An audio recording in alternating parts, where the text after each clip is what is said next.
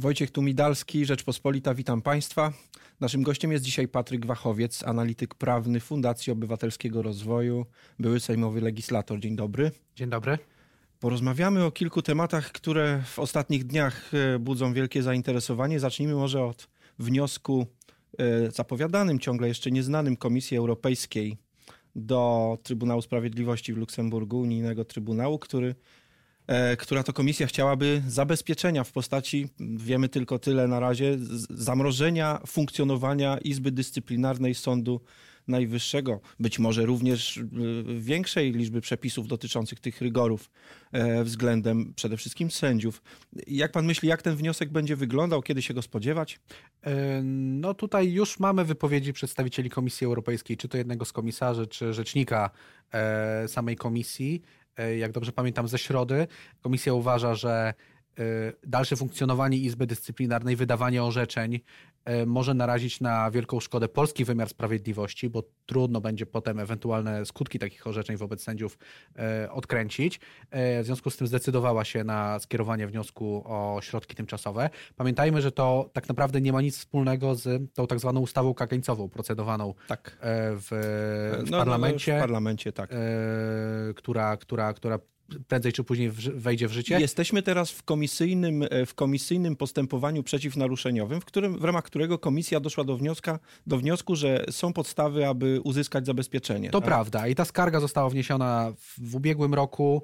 E, co ciekawe, Trybunał Sprawiedliwości nie nadał jej trybu przyspieszonego, no więc wyrok pewnie będzie luty, styczeń 2021 roku.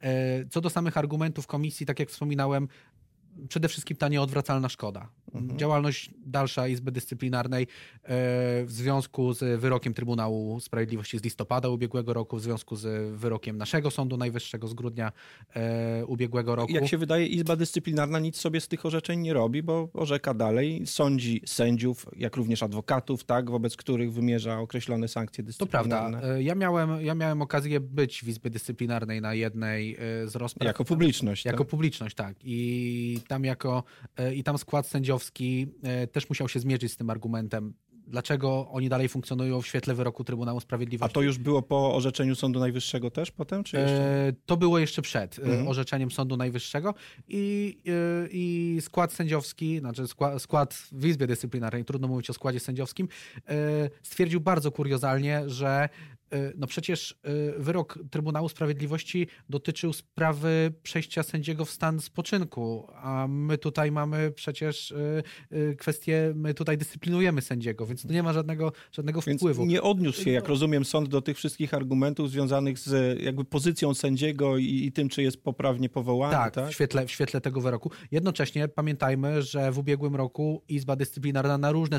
sposoby próbowała, można powiedzieć, autolegalizować się e, wydając uchwały, że, że jesteśmy że legalni, legalni i tak dalej. E, robiła to samo druga izba, Izba Kontroli Nadzwyczajnej. I to jest skuteczne Pana zdaniem? E, no, zobaczymy, bo, bo, też jest, bo, bo też kilka dni temu słyszeliśmy, że pierwsza prezes Sądu Najwyższego mhm. właśnie na kanwie tego, tej rozbieżności w, w orzecznictwie. Tu mamy dwie izby, które się same legalizują. Tu mamy wyrok e, Izby, Izby pracy. pracy. jeden, drugi, trzeci już teraz e, przecież.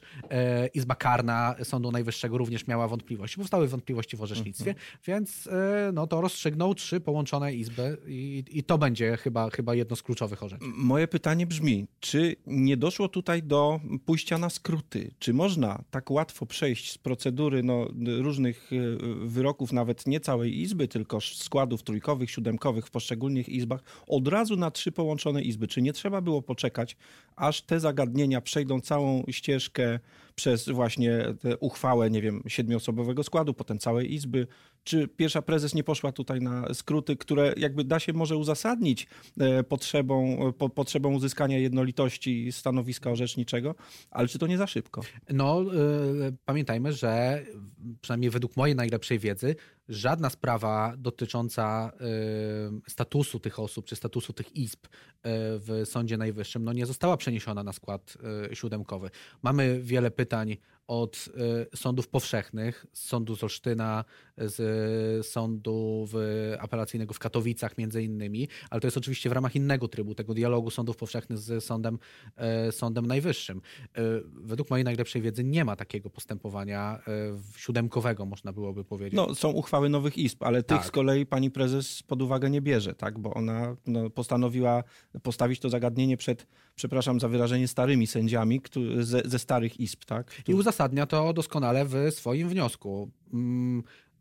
Gdyby włączyć e, do, do tej uchwały, do tego postępowania cały Sąd Najwyższy, czyli również dwie pozostałe izby, mogłoby się zdarzyć, znaczy zdarzyłoby się tak, że ci sędziowie tak naprawdę decydowaliby o własnym statusie, no bo mhm. trudno tutaj obiektywnie, e, obiektywnie odmówić, że e, ocena powołania sędziego przez KRS w obecnym składzie no, bezpośrednio dotyczy i, to wszystkich sędziów, mhm. pamiętajmy, tych, tych obu izb i pojedynczych osób z Izby, z izby e, Cywilnej, które zapewne e, w jakiś sposób pewnie będą musiały zostać, zostać wyłączone. Więc ja to jak najbardziej rozumiem i myślę, że to w świetle wyroku Trybunału Sprawiedliwości, no, no i też myślę tych zapowiedzi, bo na przykład pamiętamy e, wypowiedź premiera Morawieckiego w jednej z niemieckich, w jednym z niemieckich mediów, że on nie, że polski rząd nie będzie uznawał wyroku Sądu Najwyższego, więc myślę, że tę rozbieżność trzeba jak najbardziej bardziej i jak najszybciej e, trzeba, trzeba roz, rozwiązać. Zastanawiam się nad tą kwestią sędziów we własnej sprawie, jak to, jak to był pan uprzejmy y, sformułować, bo przecież nie tak dawno temu jeszcze Trybunał Konstytucyjny orzekał w sprawie ustawy o Trybunale Konstytucyjnym, co rodziło podobne, jak rozumiem, no, refleksje czy zarzuty. I, I, tam... I to było w porządku, a tu nie jest? E i tam też e, ten argument był podnoszony i jak dobrze pamiętam e, w 2016 roku, 16. E, kiedy mieliśmy ten wyrok z 9 marca, ten, ten, ten, jeden, ten jeden z najsłynniejszych. Z tym argumentem rozprawiał się pan profesor Biernat, ówczesny mhm. wiceprezes Trybunału Sprawiedliwości, mówiąc, że kontrola konstytucyjności prawa no, jest zarezerwowana dla Trybunału Konstytucyjnego i Trybunał Konstytucyjny ma obowiązek kontrolować wszystkie ustawy, które I nikt nie mógł go z tego wyręczyć od tak, tego obowiązku. Tak? To prawda. I to też nie chodziło o status konkretnych sędziów, tak jak, jak dobrze pamiętam, jak argumentował profesor Biernat, nie chodziło o status konkretnych sędziów, którzy mieliby mniej lub bardziej we własnym interesie orzekać, tylko o status instytucji, jaką jest Trybunał mhm. Konstytucyjny. Mhm. Tym bardziej, że jak pamiętam, nie orzekali wtedy ci nowo powołani sędziowie, których odsuwał od orzekania prezes Rzepliński, prawda? Ehm, tak, i też mieliśmy taką sytuację chyba, jak dobrze pamiętam, takiego bojkotu, nie wyjścia przecież Och, odmowy orzekania, to była cała historia. Y, niemniej miejmy nadzieję, że kiedyś może do tego, do tego powrócimy, że to nie będzie taki status quo w Trybunale, bo sami widzimy, jak ten Trybunał mm. teraz orzeka. Co, co pan ma na myśli, że kiedyś do tego powrócimy? E, no, ja myślę, jest taki jeden ciekawy wyrok, znaczy wyrok, przejaw działalności orzeczniczej e, Trybunału Konstytucyjnego z października ubiegłego roku. A czy pan to... myśli, że teraz nie zapadają wyroki? Ja, ja, ja już panu tłumaczę, w czym jest rzecz. Po raz pierwszy w historii Trybunał E, konstytucyjny uznał, że polska ustawa jest niezgodna z traktatem o funkcjonowaniu Unii Europejskiej i z żadny, mhm. e, poza tym, żadnym, e, poza tym nie, nie wymieniał żadnych innych aktów. Czyli dokonał kontroli zgodności polskiego prawa z prawem unijnym. unijnym. Pamiętamy całą sagę z um, orzeczeniem w sprawie sędziów portugalskich i, i mhm. kolejnych mhm. spraw polskich. Taka kontrola jest zarezerwowana jedynie dla organu, który jest sądem w rozumieniu prawa unijnego. Trybunał Konstytucyjny nie jest sądem Polski Trybunał Konstytucyjny. Unijnego. E, oczywiście to jest do stwierdzenia, ale według, no, jestem przekonany, że e, jest bardzo wiele argumentów za tym, że Trybunał Polski Konstytucyjny nie przejawia statusu sądu w rozumieniu prawa unijnego. Dlaczego? E, to są dwie kwestie. Pierwsza, być może e, jest problem powołania składów sędziowskich zgodnie z prawem. Tu nawet nie chodzi o samą kwestię mhm. arbitralnego wyznaczania składów przez panią Julię Przyłębską, no ale faktu, że tam zasiadają trzy osoby, wobec których Trybunał Konstytucyjny stwierdził, że zostały wybrane na niekonstytucyjnej podstawie prawa. A, o to chodzi. To mamy jedną kwestię, a drugą kwestię, mamy, mamy, cały, mamy cały pakiet okoliczności dotyczących tego, jak, jak wygląda, jak działa kierownictwo Trybunału Konstytucyjnego. Mówię o pani, pani Przyłębskiej i panu Muszyńskim. Mamy słynne listy pana sędziego Wyrębaka.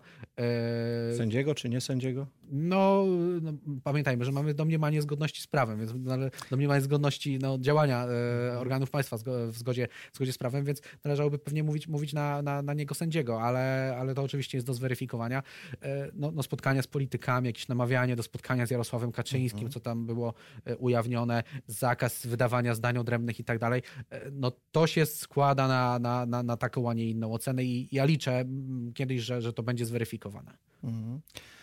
Powiedzmy jeszcze o ostatnim już elemencie y, układanki, z jaką mamy teraz do czynienia. Jesteśmy po senackiej procedurze dotyczącej ustawy kagańcowej, tak zwanej. To jest ustawa o dyscyplinowaniu sędziów, nazywamy ją tak ogólnie. Znamy też opinię Komisji Weneckiej. Pan miał pewien swój udział w, jakby w wypracowywaniu tej opinii o tyle, że był pan jedną z osób, z którą komisja się spotykała.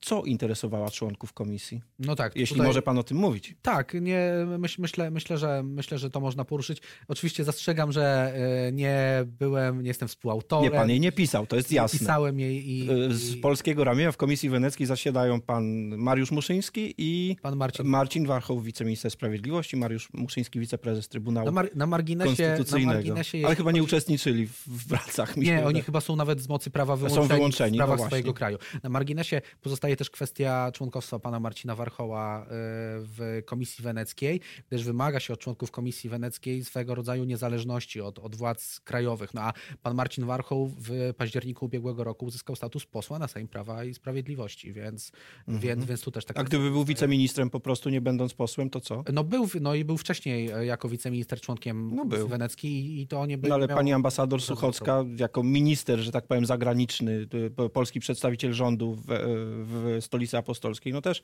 w pewnym sensie była zależna od rządu, więc być może to jest ten standard, który nie powinien przeszkadzać. No, y, to oczywiście jest kwestia ocenna i te przepisy są dosyć e, e, no, no nie, nie bardzo skonkretyzowane. Ja, ja, ja, ja sprawdzałem statut e, Komisji Weneckiej, mhm. no ale jest, może to budzić pewną, pewną, pe, pewne wątpliwości. To jest oczywiście też do, też do mhm. sprawdzenia. Jeżeli to chodzi o samo spotkanie. Co interesowało komisję? E, członkowie komisji, komisji weneckiej to, to już było jedno z ostatnich spotkań, które odbyły organizacje pozarządowe. E, co warto pochwalić, tam było całe spektrum przedstawicieli organizacji pozarządowych. To nie tylko, że, że tam była ta jakaś umowna jedna strona, wobec, prawda? Tak? Mhm. Jedna strona, tylko każdy mógł zabrać głos, była pełna swoboda. Każdy miał na początek taką, taką możliwość swobodnej wypowiedzi. Każdy, każdy z nas, reprezentantów organizacji e, pozarządowych. Potem e, przedstawiciele Komisji Weneckiej mhm. zadawali konkretne pytania. Co mnie bardzo zaskoczyło, mimo że to było jedno z ostatnich, z ostatnich spotkań z przedstawicielami e, no, no, no, no polskimi w, jakimś, tak. w jakimś tam stopniu, to e, pytań, pytań było jeszcze bardzo dużo, o bardzo o, o szczegóły techniczne, takie, takie, takie naprawdę, e, nad którymi nawet my się czasami nie zastanawialiśmy. Każdy z tych członków, co, co ciekawe i, i, i to mi bardzo utkwiło w pamięci, bez przerwy notował nasze słowa. Mhm. Nie było jakiegoś stenogramu, tylko każdy po prostu siedział. Ale to z braku orientacji, czy dlatego, że, na, że byli tak dobrze zorientowani, że już ich pytania dotyczyły coraz większych szczegółów? E, no pytania dotyczyły naprawdę kwestii szczegółowych. Ja, e, jak dobrze pamiętam, dostałem pytanie o możliwość e, weryfikacji przed sądem prerogatyw prezydenckich i jak wyglądała, mhm. i jak to wygląda w orzecznictwie Trybunału Konstytucyjnego Polskiego. To rzeczywiście wielkie już szczegóły. Więc to były szczegóły. A druga kwestia, czy druga kwestia też, też nas zapytano, jak w orzecznictwie też Trybunału Konstytucyjnego interpretowany był artykuł 107 Prawa ustroju sądów powszechnych, czyli wyrażający te zasady, e, te podstawy odpowiedzialności dyscyplinarnej i jak to się ma w związku z zasadą określoności przepisów prawnych. No, skoro mhm. sędzia odpowiada za uchybienie godności, to czy nie jest to zbyt nieokreślony przepis? Żeby łatwo go usunąć, tak? Tak, mhm. tak, tak, to mhm. prawda. Mhm. E, więc, wie, więc to były takie pytania. No, no było, ich, było ich oczywiście więcej. Spotkanie mniej więcej trwało około dwóch godzin. E, no, ale mam nadzieję, że komisja została wyposażona przez nas mhm. w odpowiednią wiedzę, no i... No i tym mocniejszą wymowę ma, jak rozumiem, jej raport. Tak, jak, jak najbardziej. To tutaj nie ma wątpliwości. Dziękuję za to spotkanie. Patryk Wachowiec, analityk prawny Fundacji Obywatelskiego Rozwoju, był dzisiaj naszym gościem. Wojciech Tumidalski, dziękuję. Do zobaczenia.